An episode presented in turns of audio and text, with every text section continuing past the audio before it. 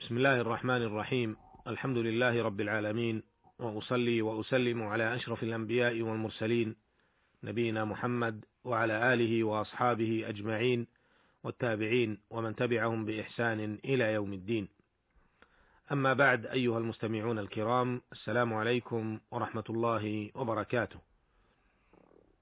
تحدثنا في الحلقة السابقه عما رواه الجماعة عن أم عطية الأنصارية رضي الله عنها قالت: دخل علينا رسول الله صلى الله عليه وسلم حين توفيت ابنته زينب، فقال: اغسلنها ثلاث بثلاث أو خمس أو أكثر من ذلك، إن رأيتن ذلك بماء وسدر، واجعلن في الآخرة كافورا أو شيئا من كافور، فإذا فرغتن فآذنني.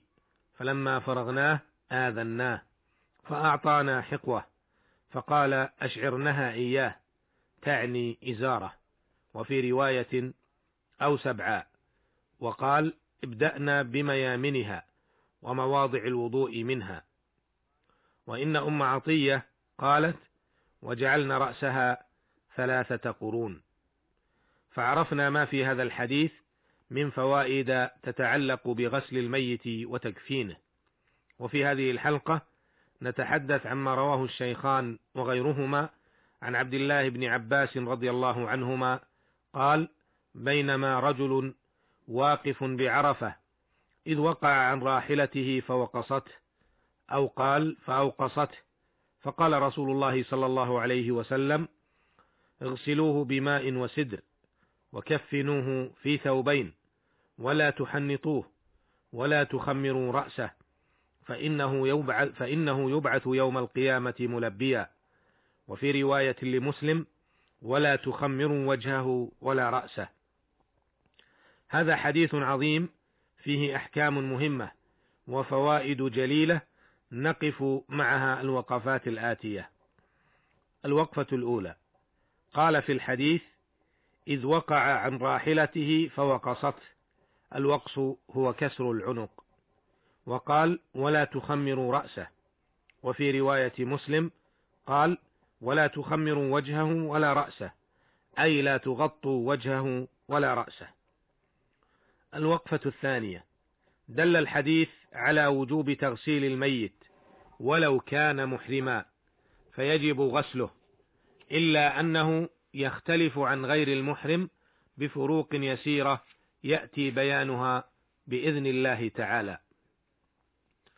الوقفة الثالثة دل الحديث أيضا أن تغسيل الميت المحرم كتغسيل الميت غير المحرم، إلا أنه يحرم عليه الطيب، فلا يقرب طيبا مطلقا، ولا يلبس الذكر المخيط من قميص ونحوه، ولا مانع من أن يغسل بالسدر مع الماء إذ ليس هو طيب وكذا لا مانع من باقي المنظفات من الصابون وغيره إذا لم تكن مطيبة كما أنه لا يؤخذ من شعر الذكر ولا الأنثى المحرمين ولا تقص أظفارهما.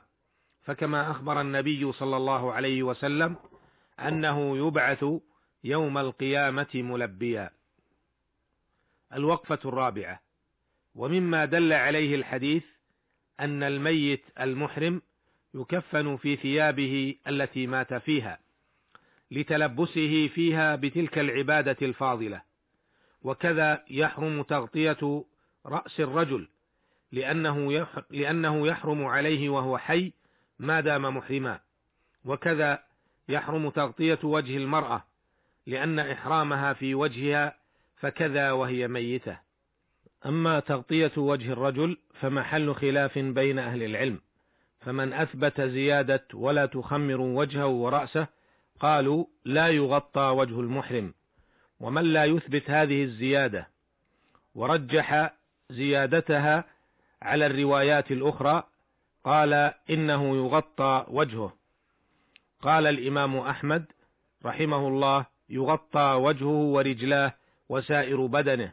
قال الخلال والعمل على أنه يغطى جميع المحرم إلا رأسه وتجوز الزيادة على ثوبين إذا كفن كبقية كفن الحلال. الوقفة الخامسة. دل الحديث أيضا على أن المحرم بحج أو عمرة غير ممنوع من مباشرة الأشياء التي ليس فيها طيب كالسدر والصابون الذي لم يطيب ونحوها.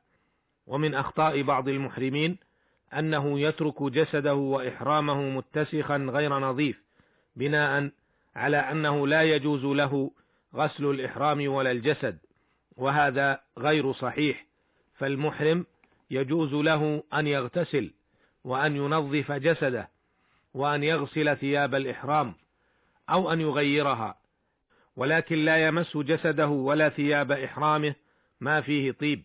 وهذا هو المحذور فقط الوقفة السادسة. من فضل الله تعالى على هذه الأمة أن من مات محرما يبعث على حاله ملبيا كما قال الرسول صلى الله عليه وسلم فإنه يبعث يوم القيامة ملبيا. وهذا يعني أن خاتم أن خاتمته حسنة بإذن الله تعالى إذ أن التلبية مشتملة على توحيد الله تعالى وإفراده بالعبودية وبهذا يكون عمله مستمرا لا ينقطع إلى يوم القيامة حيث يبعث عليه. رزقني الله وإياكم حسن الخاتمة. الوقفة السابعة. وإن من فضل الله تعالى أيضا أن من شرع في عمل صالح من طلب علم أو مشروع خير ونحوه وفي نيته أن يتمه ويكمله ومات قبل تمامه بلغت نيته الطيبة وجرى عليه ثمرته إلى يوم القيامة وهذا من فضل الله تعالى وكرمه على عباده الطائعين المواصلين أعمالهم الصالحة النافعة المتعدية للآخرين وكلها أعمال ميسورة ولكن كثيرا من النفوس لا تتنبه لمثل ذلك أو يسول لها الشيطان أنها أعمال أنها أعمال صعبة لا يقوى عليها. أو يخيل إليه أن عمره طويل وباستطاعته في حال كبره أن يؤسس مثل هذه الأعمال. وما علم المسكين أن الأعمار بيد الله تعالى. واعلم أن الله جل وعلا منحك أيها العبد الفرصة لتعمل أعمالا كبيرة. تجد ثمرتها عنده جل وعلا وأقل ما تقدمه أن تنوي النوايا الطيبة بأن تكون بأن تقوم بأعمال خيرية إذا تمكنت منها وهيئت أسبابها لك وأن تجعل صدرك سليما من الأحقاد والأضغان والحسد والحقد تجاه الآخرين لتملأه بكل ما هو خير بكل ما هو خير ونافع. فاحرص أخي المسلم على أن تعمل لآخرتك لتجد عملك أمامك ومما يعينك على ذلك تخصيص عمل بينك وبين الله لا يعلم عنه أحد سواك. من ذكر الله تعالى أو قراءة أو صدقة أو بر أو تعليم علم ونحو ذلك.